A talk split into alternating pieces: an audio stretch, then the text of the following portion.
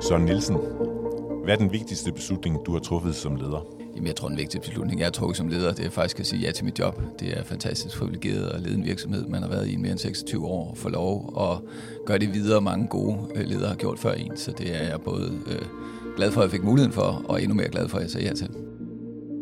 Du lytter til Ledelse med Vilje.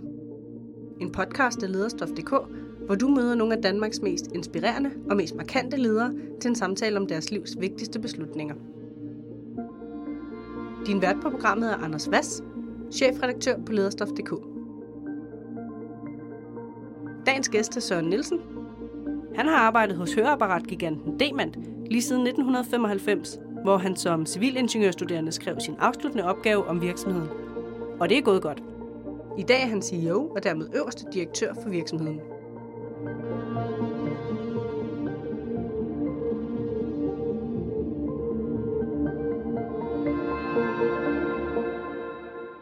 Søren Nielsen, hvad karakteriserer dig som leder? Jeg tror, noget af det, der karakteriserer mig som leder, det er, at jeg er tilgængelig, jeg er nem at snakke med, jeg, øh, man kan komme trygt til mig, øh, og jeg kan komme trygt til andre. Øh, det at lede en virksomhed, det er jo at komme ind til kernen af problemstillingen, forstå, hvad der er, der er på spil, hvad det er for nogle muligheder, der er, både når det er den ene og den anden vej. Og det at have et øh, trygt rum, hvor alt kan komme op, og man ikke er bange for at komme med tingene, eller omvendt for mig at række ud, og vi har tillid til hinanden og et samarbejde, der gør, at ting bliver gode, det bliver de rigtige beslutninger, det bliver de fremadrettede beslutninger, det bliver de bæredygtige beslutninger, øh, der bliver truffet. Øh, det tror jeg, at folk omkring mig vil sige, at det er god til at facilitere, det er selv en integreret del af. Når du siger, at øh, folk øh, trygt kommer til dig, hvordan gør du så for at sikre, at det ved folk godt? Det tror jeg ligger meget dybt i øh, vores kultur og måden, vi har indrettet os på. Hvis man ser sådan på det helt fysiske, så sidder jeg ikke i et kontor og, og putter mig. Jeg sidder ude på gulvet, ligesom alle andre, i et åbent kontormiljø. Og det alene gør jo, at øh, bare det at komme øh, på kontoret om morgenen, så kommer, kommer man forbi en masse forskellige mennesker, man lige hilser på og hører, hvordan det går, og med din del af forretningen, og er der noget Øh, øh, spændende nyt eller et eller andet. Og det gør, at man får lyst til at dele ting med hinanden, øh, at man er tæt på folk. Øh, så det er bare et eksempel på det. Men ellers, jamen, så er det ved at være nysgerrig, det er ved at spørge ind til ting med de bedste intentioner, troen på, at folk reelt går på arbejde for at gøre det bedste for virksomheden. Og med det som afsæt, jamen så, så smitter det, så bygger man en kultur med åbenhed, transparens, troværdighed øh, og tillid. Men du ser for 16.000 mennesker. Hvor, hvor mange af dine interaktioner øh, i løbet af en dag er så med kan man sige, øh, medarbejdere på, på gulvet? Jamen det er klart, jeg møder øh, først og fremmest folk, øh, der også er i en eller anden form for ledelse, men det gælder jo om, når man kommer ud og kommer omkring i virksomheden rundt omkring i verden. Det gælder om, når man står ved kaffebaren og venter på en kop kaffe, så møder man nogen, man har set en gang eller kender. Et andet eksempel er, at jeg øh, cirka hver anden måned har et introduktionsmøde på to timer for alle nye medarbejdere. Det lykkes faktisk hver gang at få åbnet godt op for diskussionerne. Folk kommer jo typisk ind med en ny, en ny virksomhed med nogle overvejelser, med nogle, hvorfor gør vi ikke det, og jeg har set, og jeg har hørt. Og det at få gang i sådan en dialog, jamen det gør, at man får ikke en tæt relation, men man får skabt en relation til nye medarbejdere, så sker det faktisk i ugerne og månederne efter, når gang man støder ind i folk og siger, jeg tænkte lidt over det, du sagde, eller kunne det være. Og det oplever jeg som en kvittering for, at at man allerede fra start, man kommer ind i virksomheden, kan mærke, at det her det er et sted, man godt må reflektere, det er et sted, man godt må undre sig, det er et sted, man godt må bringe sine spørgsmål op, uden at risikere at blive sagt, at det må du da kunne forstå. Hvordan sikrer du dig, at dine værdier øh, også bliver arvet, eller er der overhovedet noget, du gør, øh, af lederne under dig, så de også, øh, kan man sige, bliver ens ude det, de yderste lag?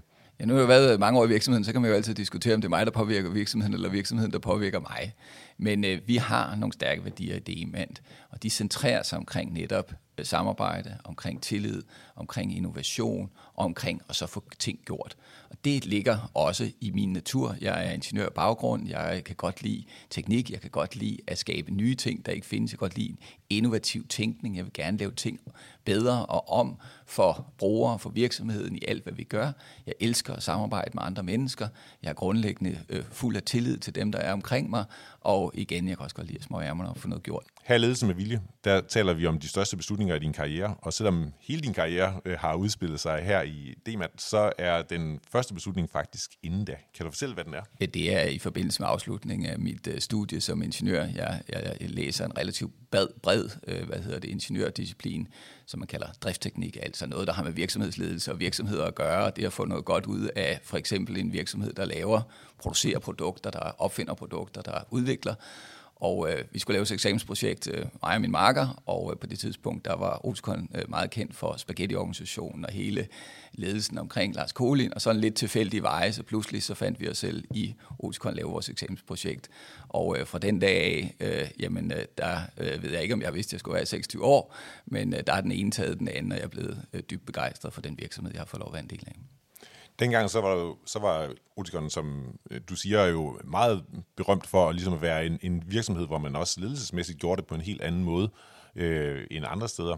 Det er ikke så berømte for i dag. Hvad er dine tanker om det? Jamen, det er klart, det var en stor forandringsproces, der var i virksomheden, hvor der også var behov for at gøre noget ekstraordinært. Virksomheden havde det godt, der var behov for at få brudt op i historisk biokrati, øget samarbejdet. Øh, I dag øh, ligner vi måske mange andre virksomheder, men det er grundlæggende stadig meget det samme. Vi selvfølgelig prøver at tage med ind omkring en mere uformel ledelsestil, omkring at det er det faglige og viden osv., der får lov at være i centrum og ikke magt og position. Øh, så på den måde har vi bestemt taget noget videre. Når det så er, jamen, så er vi blevet en meget større virksomhed. Vi har været nødt til at organisere, organisere os mere formelt, ellers kan man ikke lede så stor en virksomhed, så bliver det hele øh, kaos. Øh, så sådan de helt initielle tanker fra spaghettien, dem har vi forladt. De passede til den størrelse virksomhed, der var dengang. Det passer ikke til den størrelse virksomhed, vi har i dag, og den kompleksitet, vi har i virksomheden. Men nogle af de grundlæggende værdier, dem har vi bestemt øh, taget med videre gennem hele rejsen. Værdi er jo ikke sådan noget, man går ned og køber på postkontoret eller bestiller på nettet. Det er noget, man udvikler for finer over tid, og hele tiden øh, også skal holde sig selv op imod, om det nu er en realitet eller bare noget, man går og siger. Det virker som lidt en tilfældighed, at det blev øh, demant. Det var Colin, der kom forbi og fortalte noget til et møde på DTU, og så, øh, well, vi går den retning. Hvor meget er det tilfældigheder, der har som formet din karriere? Jamen, jeg er, ikke, jeg er ikke en type, der, du ved, der har lagt en lang plan om, lidt skal det være det. Så det har været den ene jobmulighed i virksomheden, der har taget den anden.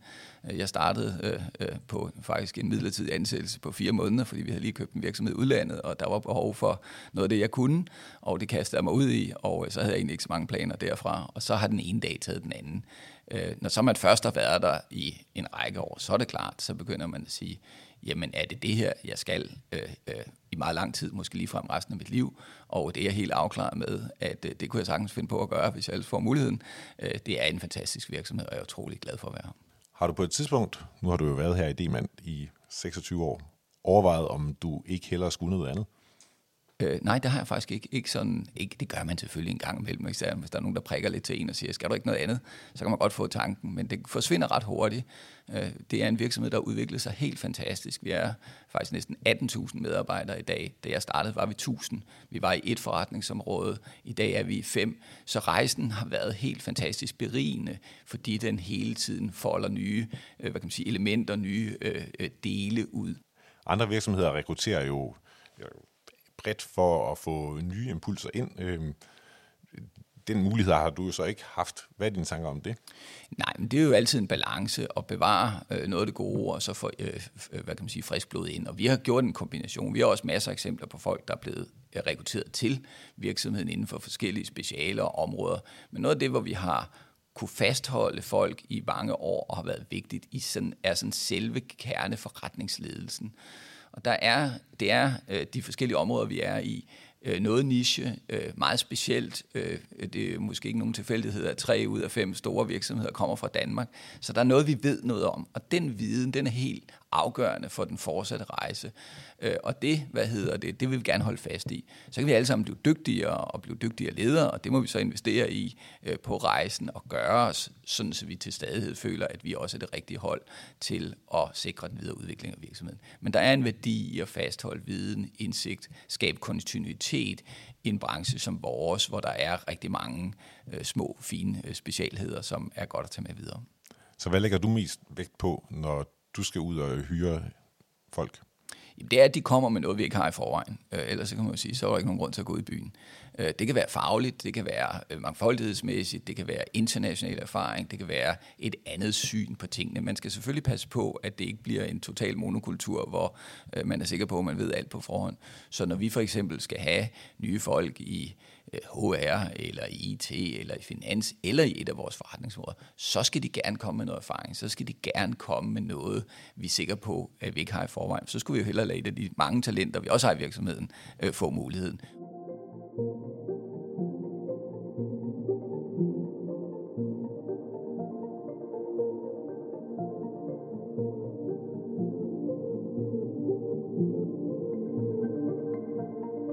Her ledelse med vilje, vi taler om de største beslutninger, og øh, en af de beslutninger, du har fremhævet, er, som vi også nævnte til at starte med, øh, da du siger ja til, øh, til topjobbet her i øh, Demand. Eller faktisk så er det jo øh, et par år tidligere, det du siger i virkeligheden er beslutningen.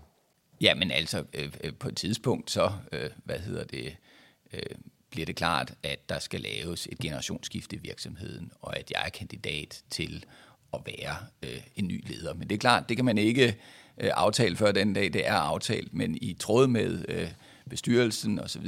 Øh, bliver det øh, øh, planen, og der bliver arbejdet for det.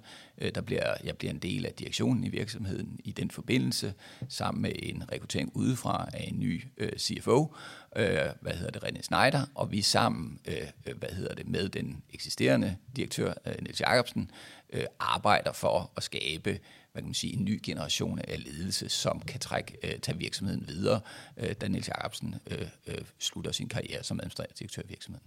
Og hvad er det, du tror, du har gjort, eller du har bevist undervejs, siden du får øh, den mulighed? Jamen, øh, det tror jeg handler om evnen til at lede øh, bredt i virksomheden. At være en god leder for andre meget dygtige ledere. Når man driver øh, fem forskellige virksomheder, så er man jo ikke ekspert i det hele per se.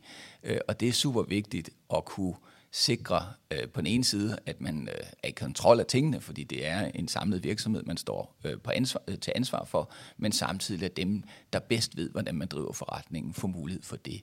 Og det er igen tilbage til hvad kan man sige, det inkluderende, det trygge rum, øh, det at lade viden og indsigt øh, betyde meget i ligningen, øh, sammen med god ledelse, sammen med god forretningsforståelse. Og den evne, må jeg tro, er noget af det, der har været vigtigt i valget af en ny chef. Når man kigger de 26 år tilbage, hvor du har været i virksomheden, og nu er du nået til top, så er det jo fordi, du har præsteret noget undervejs.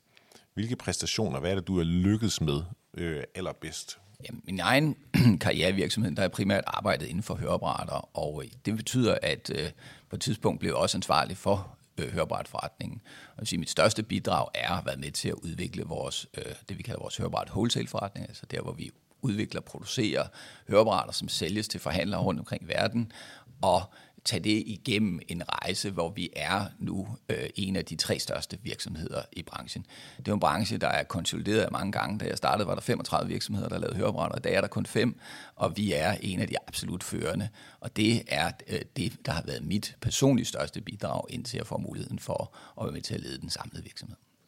Og hvis vi skal gå helt ned på noget konkret, er der så sådan en beslutning, du kan se tilbage på, og det var, det var den dag, jeg valgte at sige, tingene skal være grøn, ikke gul. Ja, men jeg tror, det er nødt til at være lidt længere, for der er ikke en enkeltstående beslutning i den sammenhæng. Det, der har været vigtigt, det er først og fremmest et stort og stærkt commitment til R&D gennem hele rejsen. Vi er i en branche, hvor det hele tiden at frembringe innovation og nye produkter, det er ikke bare noget, der sådan kan ske hver tredje, fjerde år. Det er noget, der skal ske hele tiden. Og det at styre og lede øh, hvad hedder det, produktudvikling, det er at sikre den rette funding, altså øh, ved, vedvarende investeringer i fremtiden, jamen, over tid og gøre det konsistent med øh, en høj succesrate, mange skilsættende produkter, der har for alvor fået kunderne til at sige, jamen det er Oticon, det er Bernafon, Philips, Sonic, de forskellige mærker, vi nu fører, det er dem, jeg helst vil købe mine produkter fra.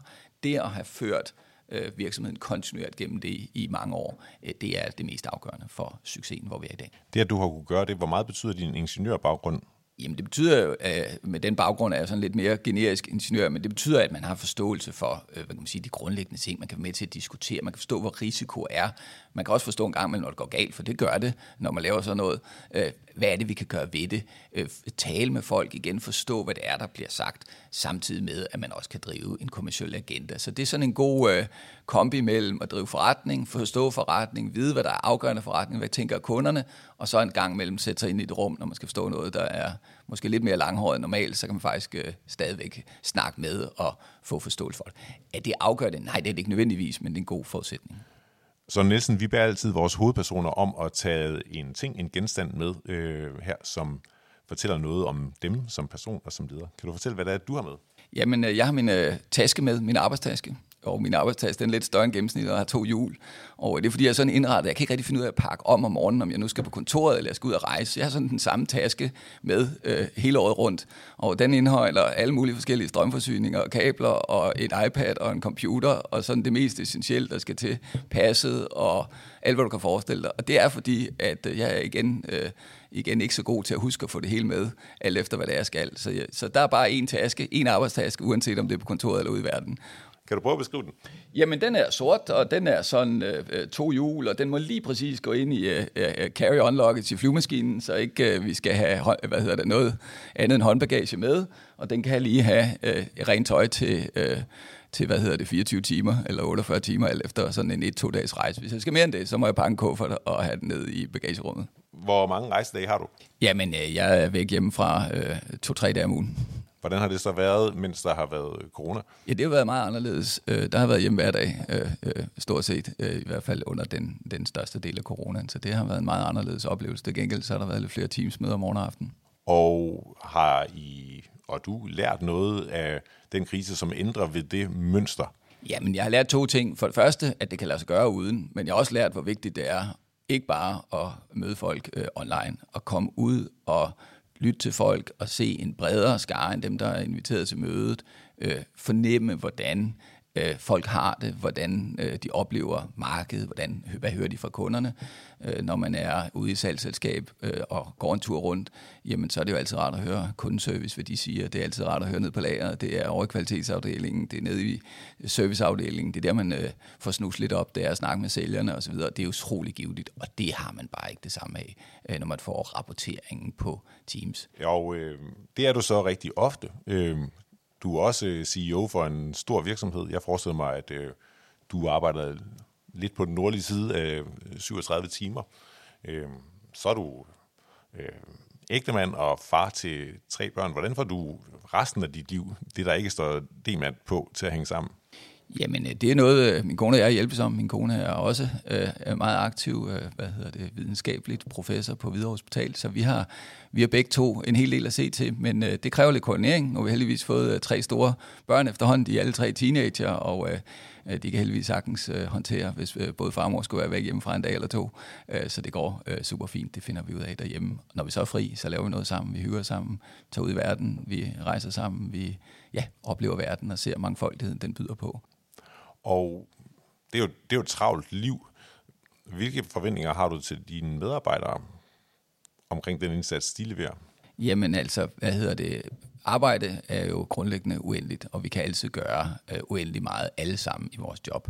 Og det er klart, derfor er man også nødt til at sætte grænser, også for sig selv, og hvad, man, hvad det er for en balance, man har. Så noget af det aller, aller vigtigste for alle medarbejdere og alle ledere, det er en, en, en klar og tydelig dialog om, hvad det egentlig, er forventer. Fordi usikkerheden, det er jo det værste. Og øh, der er meget forskellige forventninger. Der er andre forventninger til mig, end der er til andre medarbejdere i virksomheden, men det er jeg godt klar over, og det er de forhåbentlig også godt klar over. Øh, så, så det er dialog, det er ledelse, øh, det er nærhed til sine medarbejdere, få stemt af, hvad er mine forventninger til dig. Hvordan griber du det an, når der så er en medarbejder, der ikke lever op til dine forventninger? Jamen, det er jo altid, øh, hvad hedder det, først og fremmest vigtigt at snakke om. Øh, fordi øh, så må man jo sige, jeg har nogle observationer. Det kan være, du ser helt anderledes på det. Øh, men mine observationer er sådan og sådan og sådan. Og mine forventninger er anderledes. Det kan være, der er noget misforstået. Det kan være, der er noget, du ser helt anderledes på. Det kan være, der er noget, jeg har overset. Men nu bliver vi nødt til at have en dialog om, øh, om det øh, er rigtigt. Og hvis øh, vi ender med, at det er min konklusion, øh, der er den rigtige, øh, og jeg bekræftede, eller bekræftet kan man sige, i min opfattelse af, at øh, forventningerne ikke blev mødt, så bliver man nødt til at snakke om, hvordan kan man komme derhen. Og hvordan kunne sådan en snak i din verden fungere? Jamen, det er jo typisk en snak, man har under fire øjne med den enkelte medarbejder, hvor man selvfølgelig skal sørge for at være tydelig i, hvad er det for nogle observationer, man har gjort sig. Hvad er det, de observationer siger en? Igen, det kan være, det er en, en, en fejlfortolkning øh, hvad hedder det, og, og en misforståelse. Det bliver man nødt til at afdække. Hvis det viser sig, at det er rigtigt, og det er sådan, det er, jamen så må man snakke om, hvad kan man gøre for at komme bedre sted hen. Og er medarbejderen interesseret i at komme bedre sted hen? Det er jo super vigtigt, at man kan masser af ting, hvor man øh, kan udvikle sig, man gør ting bedre. Øh, det vigtigste, det er tydeligheden, og at man kommer, hvad kan man sige, straight to the point, øh, fordi så er der jo rigtig mange mennesker, der, øh, så har man i hvert fald en chance for at gøre noget ved det, øh, hvis man vil, øh, øh, i langt de fleste tilfælde. Og når du så når dertil, når det sker, og skal fyre nogen, hvor, hvordan griber du det an? Så er det vigtigt at tale med medarbejderne, når kan man sige, forskrækkelsen lige har sat sig, om hvordan øh, de kommer bedst videre og hjælpe dem og støtte dem i det. Og det gør man øh, både selv øh, ved at lægge lidt indsats i det, eller lægge noget indsats i det, og selvfølgelig også ved at tilbyde professionel hjælp og rådgivning til folk, der skal ud og finde nyt arbejde, og måske ikke har gjort det et stykke tid. Og øh, det kommer heldigvis i langt de fleste tilfælde til at gå godt, øh, hvor folk kommer godt videre til et nyt job, og det er jo i virkeligheden det bedste for folk at komme et sted hen, hvor det de kan, og det de er gode til, det kan skabe succes, det kan skabe, at man er en succes, at man gør det godt, i stedet for at risikere at sidde i noget, hvor øh, forventningerne ikke bliver mødt.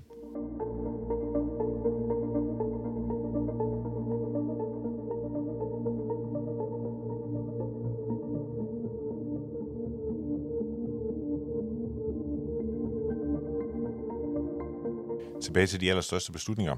Du er blevet øh, CEO for øh, det, der hedder William Demand Holding. Og øh, en af de, øh, de første ting, og en af dem, du har fremhævet som de store beslutninger, øh, den drejer sig egentlig om det. Kan du fortælle, hvad det er for en beslutning? Ja, øh, hvad hedder det? William Demand Holding er skabt, fordi en række af de virksomheder, vi ejer, de er konkurrenter med hinanden. Og derfor så var det i mange år vigtigt, at det var så uklart som overhovedet muligt, øh, øh, hvem hulen der egentlig stod af bag alt det her, hvis der overhovedet var nogen, der vidste det. Og det var kommercielt meget rigtigt. Det var meget vigtigt for udviklingen af forretningen, øh, fordi vi blev ved med at købe virksomheder op og konsolidere og få synergi ud af det, men vi skulle passe meget på, at det ikke gik ud over salgssiden, altså at man pludselig siger, hov, hov, hov, det er jo alt sammen det samme. Så, så for eksempel, at øh, William Demand Holding ejer konkurrenterne... To konkurrerende hørebrætvirksomheder, to konkurrerende diagnostiske virksomheder, øh, så ude for kunderne. Super vigtigt, at de ikke ved det. Vi har også gået ind og blevet en aktiv spiller i hvad hedder det, tilpasning af høreapparater, salg af høreapparater. Det var der nogle af wholesale-kunderne, der også kunne se som, som negativt, og dermed man får hvad kan man sige, collateral damage på sin wholesale-forretning. Så det skulle være så uklart, som det overhovedet kunne være.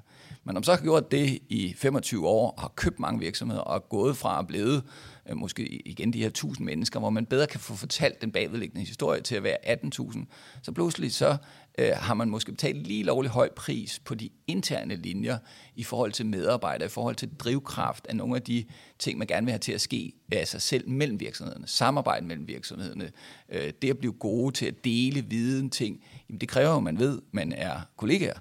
Øh, og at vi var øh, der, hvor, der var, øh, hvor det var meget, meget uklart for rigtig mange medarbejdere, man kan sige, hvordan det hele egentlig hang sammen og også når vi skulle rekruttere medarbejdere. Så de enkelte selskaber, de er ret store, hvorimod gruppen var blevet meget stor. Men der var ikke nogen, der kaldte William Demand Holding. Det var heller ikke i Danmark. Øh, der stod altid, når vi var øh, blev omtalt i avisen, parentes Oticon i øh, bagved, for ellers var ikke nogen, der vidste, hvad det, hvad det handlede om. Det står der jo også ude på bygningen. Det står der også ude på bygningen. Det er nu fordi, at det er her, vi udvikler Oticon hørebrænderne, så når kunderne kommer forbi, så skulle de gerne kunne se det. Men det var legacy, og øh, derfor var det min konklusion, at tiden var kommet til noget, vi har diskuteret i en overrække, om vi skulle blive mere tydelige i, hvem er gruppen. Vi skal ikke til at sælge noget i, et, i, i William Demans øh, navn eller noget, men den grundlæggende familie, den grundlæggende historie omkring skabelsen af virksomheden, var der også rigtig mange, der ikke kendte. Og det var for, var det vigtigt at blive en lille smule mere tydelig, en lille smule mere synlig. Men hvis jeg skal være djævelens advokat, så er det jo, altså William Demand Holding og Demand, det er jo nærmest det samme. Det er en lille, lille sproglig øh, ændring, og det er vel mere kommunikation, end det det er den, eller hvordan ser du Jamen, det handler rigtig meget om kommunikation. Det handler om at have en platform. For eksempel, når man vil ud og snakke øh, værdier i en gruppe på tværs af mere end 200 selskaber. Når man vil snakke om, hvad hedder det, alle de ting, der følger med, hvad hedder det, øh, hvad hedder det, øh, Øh, CSR-indsatser, øh, sustainability-indsats, noget vi alle sammen skal løfte i flok for at få til at lykkes, så er det vigtigt, at der er en flok. Så er det vigtigt, at der er nogen, der hører sammen. Så det er mere øh, end bare et navn. Det er en proces, det er en tilgang, det er en virksomhedskultur, man styrker. Og for at gøre det tydeligt, at der skete noget, jamen så rørte vi ved navnet, som jo er noget af det mest, øh, normalt noget af det mest øh, heldige ved en virksomhed, noget man ikke gør ret tit. Så det blev et symbol på en tydeliggørelse af, hvem er det man egentlig, og hvad står vi for, og hvor vil vi gerne hen. Og det kommer oven på 25 øh, år, hvor man havde en, en anden tilgang til det, øh, som jo også var forankret i noget fornuftigt. De har konkurrerende selskaber, og for at konkurrere, så skal man jo, øh, altså, ja, konkurrence går jo ud på, at, øh, at man kæmper mod hinanden. Øh, og den energi, der er i det, med at hele tiden vil være bedre end de andre, og jeg tænker, hvis man sidder nede hos Bernafon i, i Schweiz, så vil man i virkeligheden gerne øh, udradere de her otikon-typer i, i København, og det kan der være en god energi i. Hvordan holder man så fast i den del? Ja, men det vil jeg så sige, det kan man jo diskutere, om det er god energi eller dårlig energi. Jeg synes jo, det er meget bedre, hvis begge selskaber fokuserer på nogle af vores konkurrenter, de kan stjæle noget fra, i stedet for at stjæle fra hinanden. Så det er faktisk også, kan du sige, en del af det at øge man kan sige, øh, tilhørsforholdet til virksomheden og se det store billede. Fordi det store billede er jo, at det er de fire mærker, vi har på hørebrætsiden, for eksempel til sammen, der skal vinde markedsandel. Det hjælper ikke noget at stjæle dem fra hinanden. Det vinder vi ikke noget af. Så vi skal stjæle dem fra vores konkurrenter. Og der i talesæt, hvad er så min opgave i den sammenhæng, hvad er din opgave i den sammenhæng, bliver en lille smule mere taktisk og strategisk omkring tilgangen til markedet, hvem går efter hvem. Det kræver, at der er en forståelse for, at det samlet set er det, man det handler om. Det der er, når man er sådan en, en gruppe, der har en masse brands, og man ikke møder kunderne som, som gruppen, men som brands, det er, at man egentlig kun hører om gruppen, øh, når der kommer regnskaber ud, øh, eller når lokummet brænder. Øh, det har I jo øh, været ude for, øh, og noget af det, der har været mest omtale, var, da I blev ramt af et ransomware-angreb øh, her for et par år siden. Kan du fortælle om, hvad det var, der skete det, set fra, fra din stol, og hvordan du greb det an, hvilke beslutninger du måtte træffe? Jamen det er klart, det er jo et eksempel på noget, der påvirker hele virksomheden, og hvor virksomheden jo egentlig hver dag er sikkerheden for de små virksomheder. Det er gruppens opgave og gruppe IT's opgave at sikre, at vi er indrettet, så vi øh, kan håndtere situationer som det og investere i det. Det har vi gjort en hel masse. Vi kunne have gjort endnu mere. Øh, vi blev ramt, men når vi så blev ramt, så er det også vigtigt for alle selskaberne at mærke, at der er kompetente folk, der griber ind og går i gang med at løse problemet meget akut, fordi det enkelte selskab kan ingenting gøre.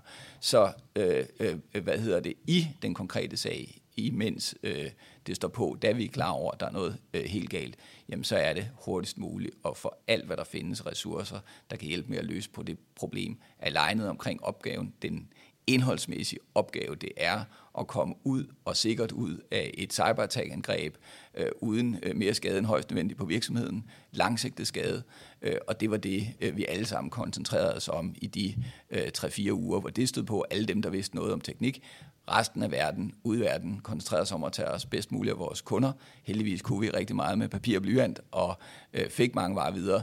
Øh, der var nogle enkelte steder, for eksempel det at, og, og, og, og have butikker kørende, hvor man tilpasser hørebrætter. Det gør man altså via en computer, så hvis ikke der er nogen computer, så er der ikke nogen tilpasning af hørebrætter.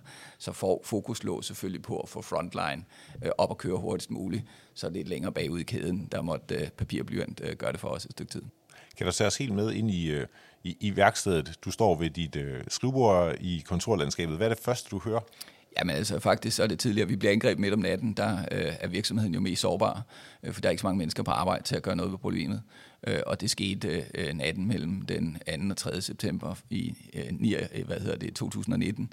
Og øh, det øh, gør så, at da jeg vågner, øh, som jeg plejer, øh, klokken 6 om morgenen, og giver på min telefon, så kan jeg se, ligesom alle andre medarbejdere, jeg har fået meddelelse om, at jeg for guds skyld ikke må tænde min computer. Og øh, så er man godt klar over, at der er et eller andet øh, lidt ud over til vanligt, og så går der ikke ret mange timer, så sidder jeg herovre i kriserummet og får det første brief på, hvad der er, der er sket. Og hvad er, hvordan lyder det brief? Er der det fulde overblik? Nej, der er ikke det fulde overblik, fordi det, der er sket i løbet af natten, heldigvis, det er, at der er dygtige mennesker, som passer vores IT-systemer 24-7, der har fornemmet, at noget var ikke, som det skulle være. I stedet for at bruge for lang tid på at regne ud, hvad det var, så slukkede de for det hele. Øh, trak, øh, som jeg siger, ledningerne ud af væggen til backuppen. Øh, de vidste godt, at det var nok noget af det, og øh, de gjorde alt det rigtige for at minimere skaden på virksomheden. Og derfor så, øh, kan man sige, det hele var slukket, og øh, så øh, handler processen i virkeligheden om, hvordan øh, man stille og roligt og meget, meget, meget, meget forsigtigt får kigget ned i alt det, man har slukket, og fundet ud af, hvor, hvor hårdt er man blevet ramt, og hvordan er rejsen frem imod øh, fuld reetablering. Og i virkeligheden så øh, går der ikke anden en, to, tre dage, så er man øh, fuldstændig klar over, hvad der er, der er sket. Så bruger man de næste, som vi gjorde, øh, 4, 5, 6 uger på at genopbygge det hele. Og selvom du er uddannet ingeniør og er øverst i, øh, i hierarkiet her, så går jeg ud fra, at øh, mange af beslutningerne træffes af, af de mere IT-kyndige. Hvad er det for nogle beslutninger, du træffer? Jamen først og fremmest så er det jo øh, sammen med IT at lægge en plan for, øh, hvordan rejser man øh, tingene igen. Hvad skal først? Hvad er den forretningsmæssige guidance, man giver? Og det er jo en verden, hvor man ikke ved alt. Det er klart, at i løbet af sådan en periode, så stiger forståelsen for problemet, så stiger sikkerheden for, at det, man tror, der skal ske i morgen, det også kommer til at ske. Men i starten, der ved man det ikke. Det vil sige, det er at håndtere usikkerheden for folk og sige, godt, det er det, vi ved. Baseret på det, vi ved, der må det rigtige være at gøre. Hvis vi så lærer i morgen, at det ikke var det rigtige, så laver vi det om der. Nu er vi 100% fokuseret på den hypotese. Øh, nu øh, eksekverer vi på den, og jeg skal nok bære øh, risikoen og usikkerheden for, at vi tager fejl. Fordi de mennesker, der skal sidde og arbejde med, de skal ikke sidde og være bange og nervøse for, om det nu er rigtigt eller forkert. De selvfølgelig være på tæerne, det var de. Det bør der ikke være nogen tvivl om, at øh, alle vores medarbejdere i IT, de tog fantastisk stolthed i øh, hurtigst muligt at komme ud af det her. Men man skal tage, man skal tage øh, trykket af, øh, og det var en af mine allervigtigste opgaver. Det var jo et ransomware-angreb. Sad du med en beslutning på et tidspunkt om, skal vi overføre x antal millioner i bitcoins til de her mennesker, som vi ikke ved, hvem er? Nej, øh, øh, helt dertil kom det aldrig. Øh, det er en del af processen, at der er nogen, der prøver at fratvinge dig penge. Det er basalt set øh, øh, digital kidnapning, der foregår. Øh, og øh, det er klart, det er sådan et, øh, et, øh, et kapløb om at forstå, øh, hvad er det egentlig, der er sket. Når først du får overblikket over, hvor hårdt du er ramt, og om du øh, mener, at lad os sige, den alvæsentligste del af dine data, de vil kunne genskabes, jamen så øh, falder øh, behovet for at snakke mere med de mennesker heldigvis ret hurtigt. Øh, men det er jo, det er jo øh, os, der kan man sige, jeg ved ikke, om man skal sige, at vi er heldige, men i hvert fald øh, var beskyttet godt nok til, at det ikke blev så slemt. Hvad har det lært dig som leder at være igennem den der ret vilde tid? Jamen, det har lært mig mange ting, men øh, en af de allervigtigste ting, det er, hvor vigtigt det er tilbage til værdier og kultur og øh, samarbejdsrelationer. Altså, øh, det blev aldrig til øh, en af de her øh, situationer, hvor folk, de, undskyld mig, står over og skriger hinanden og ikke kan finde ud af samarbejde. Det viste, at vi havde en fantastisk samarbejdskultur, og øh, højere, lavere, tyk og tynd øh, øh, kom til pumperne og spurgte, hvad kan jeg hjælpe med? I gik jo så fra den krise og nærmest over i den næste. Var der noget fra øh, ransomware-angrebet, I kunne, og det I lærte det, I kunne bruge i coronakrisen? Ja, altså en af de vigtige ting i øh, ransomware var også kommunikation. Kommunikation til hele verden om, hvad er det, der sker, og også en relativt stor empowerment af de enkelte selskaber, fordi det kom meget forskelligt ud til, hvordan driver man bedst forretningen under de betingelser, der gør i dag. Så hovedkontoret kan sådan set kun hjælpe med at fortælle, hvad er udsigterne til, at de her systemer, som kun vi kan få op at stå igen, den er. Hvad er det, du kan forvente at regne med? Og så ellers lade den enkelte landeschef og den enkelte direktør i et selskab ud i verden lave sin egen plan for, hvordan gør jeg bedst det her over for kunderne. Det havde vi lært en hel masse om øh, under øh, cyberattacket, øh, hvad hedder det, og det kommer os helt sikkert til gode i øh, den indledende del af coronahåndteringen. Så når du lægger beslutningerne ud, øh, og det er jo egentlig også det, du, du siger om din ledelsesstil generelt, du vil gerne lægge beslutningerne i virkeligheden så langt ud som muligt. Hvad er det så, der ender oppe hos dig? Jamen det er jo for eksempel, øh, hvad hedder det, øh, skal vi øh, gøre noget for at reducere øh, omkostningerne, når, hvad hedder det, øh, omsætningen falder.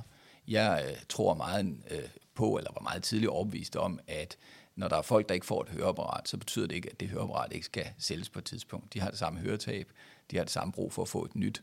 Så jeg var ret overbevist om, at det salg, vi ikke så, det skulle vi nok se på et tidspunkt. For eksempel sådan en beslutning om at sige, jamen derfor så holder vi vores udviklingsaktiviteter, vi holder vores investeringer i fremtiden kørende, selvom krisen øh, hurtigt kunne have kaldt på det modsatte. For der kommer også en dag igen, hvor tingene normaliserer sig, og det vil, var øh, antagelsen i langt de fleste markeder kommer til at gå ret hurtigt.